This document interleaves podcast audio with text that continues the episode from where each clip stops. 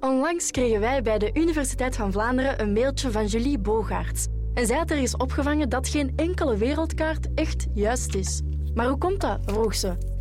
Ik moet toegeven, ik zou het zelf niet weten, maar aan het departement wiskunde van de VUB kunnen ze ons helpen.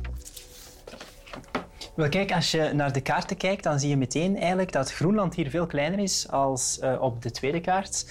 Uh, ook als je naar de derde kaart erbij haalt, is Afrika dan veel langgerekter. Eigenlijk op elke kaart is er wel iets mis. En dat is iets wat ze in het middelbaar waarschijnlijk nog niet gezegd hebben. We kunnen een paar voorbeeldjes geven.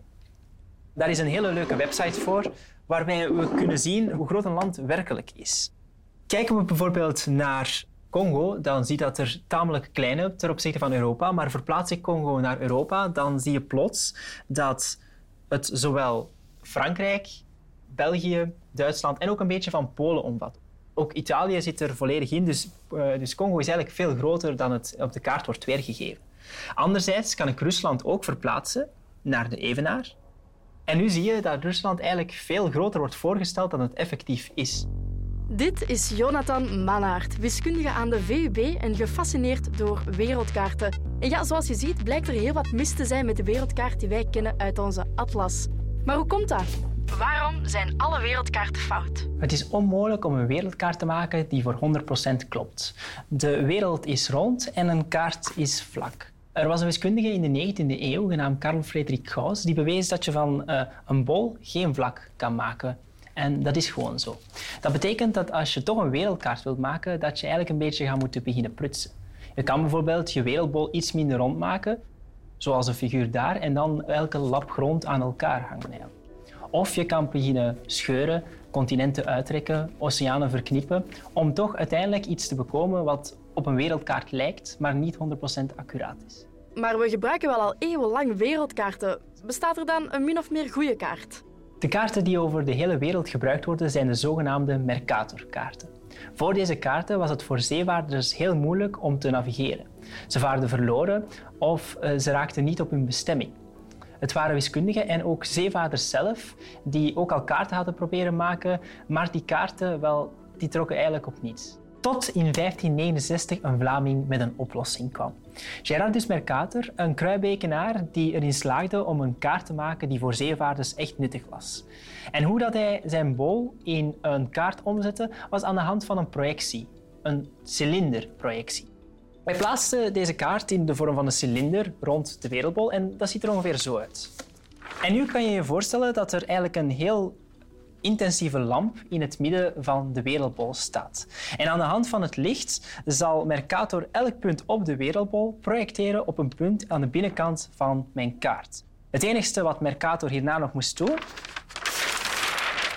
is zijn kaart eigenlijk uitrollen en de Mercatorkaart was geboren. Nu, toch iets heel merkwaardig voor een man die geen 200 kilometer buiten Kruiweken is gegaan. Eh, een kaart die we trouwens tot hedendaag nog steeds gebruiken. Knap, inderdaad. Maar ja, die wiskundige Gauss, zei je, die had toch net bewezen dat je van een bol geen vlak kunt maken? Scheelt er dan helemaal niks met de kaart van Mercator? Ja, er scheelt van alles met deze kaart. De afstanden die trokken eigenlijk op niets. Maar dat is ook voor zeewaarders niet belangrijk. Voor zeewaarders is het belangrijk dat de hoeken kloppen. Waarom zijn die hoeken bij navigatie nu zo belangrijk? Wel, als we ons in Brussel bevinden en ik wil navigeren naar Washington DC, wat zich ongeveer hier bevindt, dan kan ik als, als zeevaarder een rechte lijn tekenen van Brussel naar Washington. Ik kan de hoek meten dat deze lijn maakt met de evenaar en dat is ongeveer 8,5 graden onder het westen, weliswaar. Nu weet ik dat als ik mijn kompas neerleg en ik ga 8,5 graden onder het westen stappen of varen in die zekere richting, dat ik van Brussel te beginnen in Washington aankom. En dat lijkt logisch, hè? dat is toch de bedoeling van een kaart.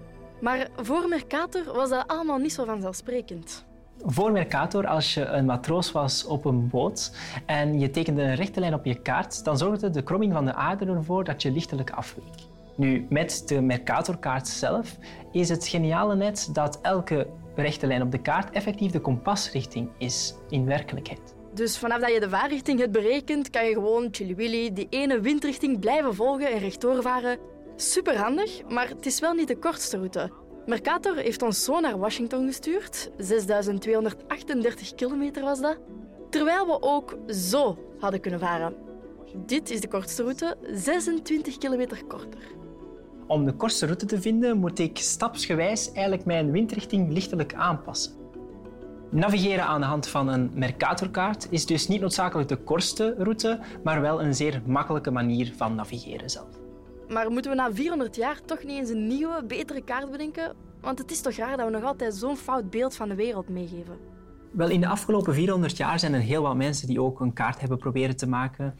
Um, we hebben de kaart van Gal en Peters, die dan uh, in de, de vormen van de landen misschien een beetje laten allez, verprutsen, maar dan de afstanden weer heel accuraat houden. We hebben ook de kaart van Lambert, die uh, dan gaat projecteren op een kegel. Cassini gaat dan Latijns-Amerika helemaal doen opblazen ten opzichte van Europa.